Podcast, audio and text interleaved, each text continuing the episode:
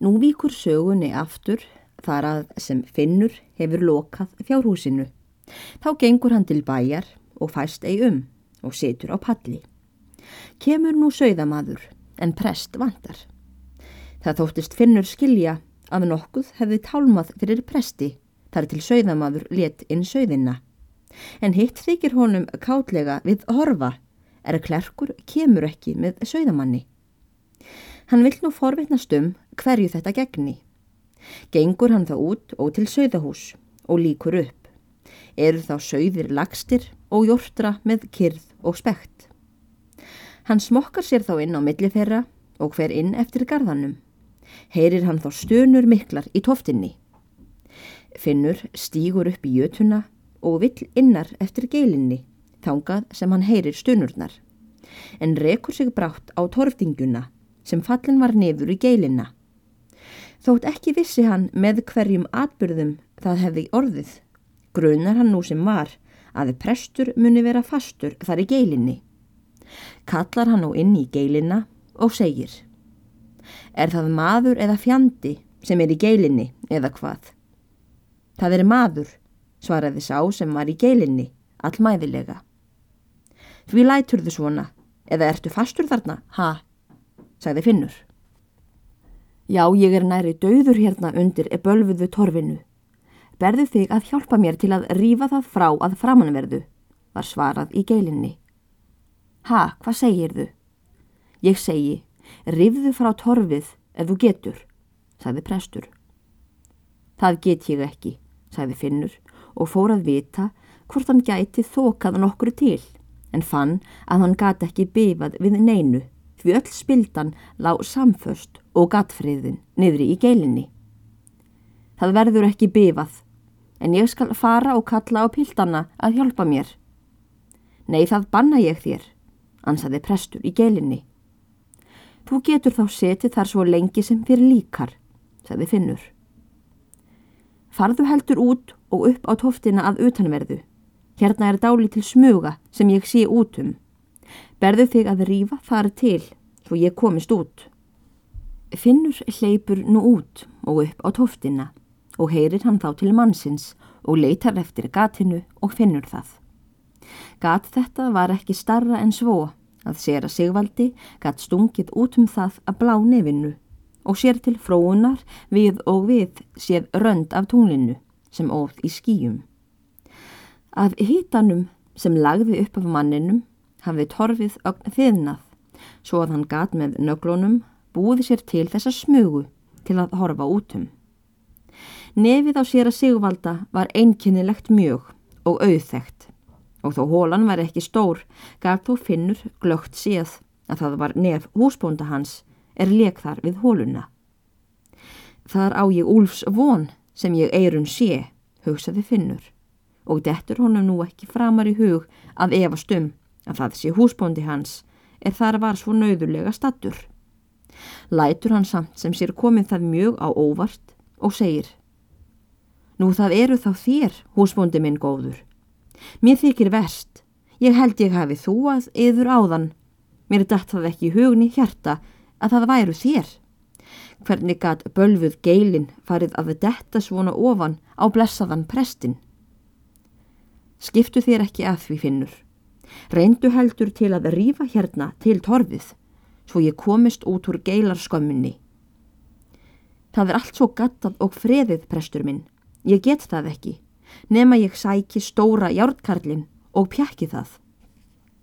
Finnur hleypur nú á stað og kemur á vörmu spori aftur með hjártkarlinn. Húsbúndi minn, segir hann, hvar á ég nú að högva gatið? Hérna sem ég sé á nefið á yður húsbóndu góður. Ég er svo hrættur um að ég skafi yfir í andlitið. Ég held að það væri betra að þér leggist niður í geilina á meðan. Sér að Sigvalda þótti þetta þjóður áð. Tekur nú finnur að högva torfið og tekst honum það heldur seint. En þó kemur svo um síður að hann hefur búið til hæfilega rauf. Beður hann nú prest upp að standa og gjörir hann það og skýtur nú höfði og herðum upp í gegnum gatið allt ofan til axla og vil freysta að vega sig með handabli upp úr geilinni. En með því maðurinn var gamall og styrður og hitt annað að hátt var til vekkjar í tóftinni verður það ógreitt. Býður hann þó finn að þrýfa í herðar sér og toga að ofan. En ég mun, segir hann, lifta mér upp af neðan. Finnur görir sem fyrir hann er lagt og þrýfur báðum höndum í axlir prests. En jafnan er að prestur er komin á hálfa leið, tók skuturinn svo að fría skriðar að hann sígur jafnharðan nýður aftur í tóftina og gengur svo þreysvar eða fjórum sinnum. Tekur sér að Sigvaldi mjög að dasast og segir Finnur að nú séu tveir kostir fyrir höndum. Sá er einn að sækja menn til að bjarga honum úr tóftinni en sá er annar að hlaupa eftir reipum og bregða undir prest og reyna svo að draga hann úr tóftinni sem grip úr dýi. Ekki vill sér að Sigvaldi þessi ráð hafa og vill hann freysta enn einu sinni. Stekkur hann nú upp svo hátt sem hann má en finnur þrýfur til herðanna og tógar af öllu afli. Brestur þá þekjan, svo sem eftir var uppi, sundur og ofan í geilina og við það kemst prestur upp, en er þó heldur og ásjálegur. Tekur hann að rétta hatsinn úr brenglum, en finnur að dusta moldina af fötum hans.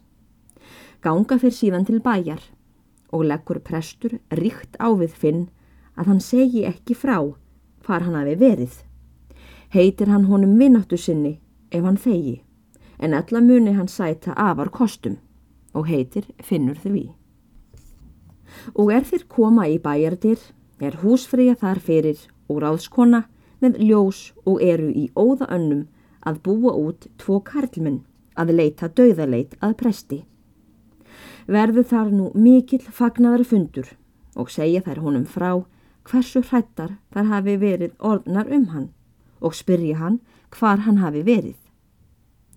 Prestur lætur fátt yfir en segir þó að í rökkrinu hafi hann gengið sér til skemmtunar en með því veðrið hafi verið svo fagurt og bjart hafi honum dottið í hug að ganga fram um hlýð og gæta þar til haga.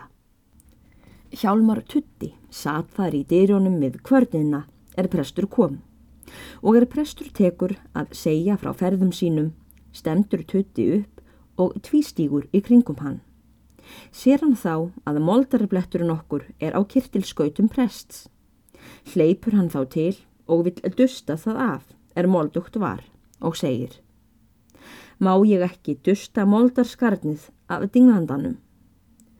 Prestur lítur heldur reyðulega til hans, en yrðir þó ekki á hann gengur síðan til baðstofu, kastar von bráðar klæðum og gengur til kvílu og kvartar um að að sér slægi nokkrum kuldarholli eftir hitan og gönguna og lætur húsfreyja flóa nýmjölk handa honum til að taka úr honum skjáltan. Ekki höfum mér neinar sannar fregnir um það, hvernig farið hafi um áheit það er sér að Sigvaldi gjörði kirkjunni á stað ef hann kæmist lifandi úr toftinni. Þó getum mér ekki borið á mótið því að oss virðist það eigi all lítið vafa mál hvað orðið hafi um efningu þess heits en séð höfum mér vísitatju herra biskups og í henni er svo að orði komist um kirkjuna á stað. Í tem á kirkjan tvær söngkápur, tvo sloppa og eina brún og brúkanlega. Hvar fyrir pastor Lóki vildi hið allra bráðasta tilleggja kirkjunni eina nýja og sæmilega brún í stað hinnar fornu sem nú ei lengur á anstendug heita og því ekki kirkjunni framar bjefjana kann. Nú er visitatja þessi gjör ekki fullum tíu árum síðar en sér að Sigvaldi slefti staðinum af stað og það er kirkjan þá átti enga viðunandi brún.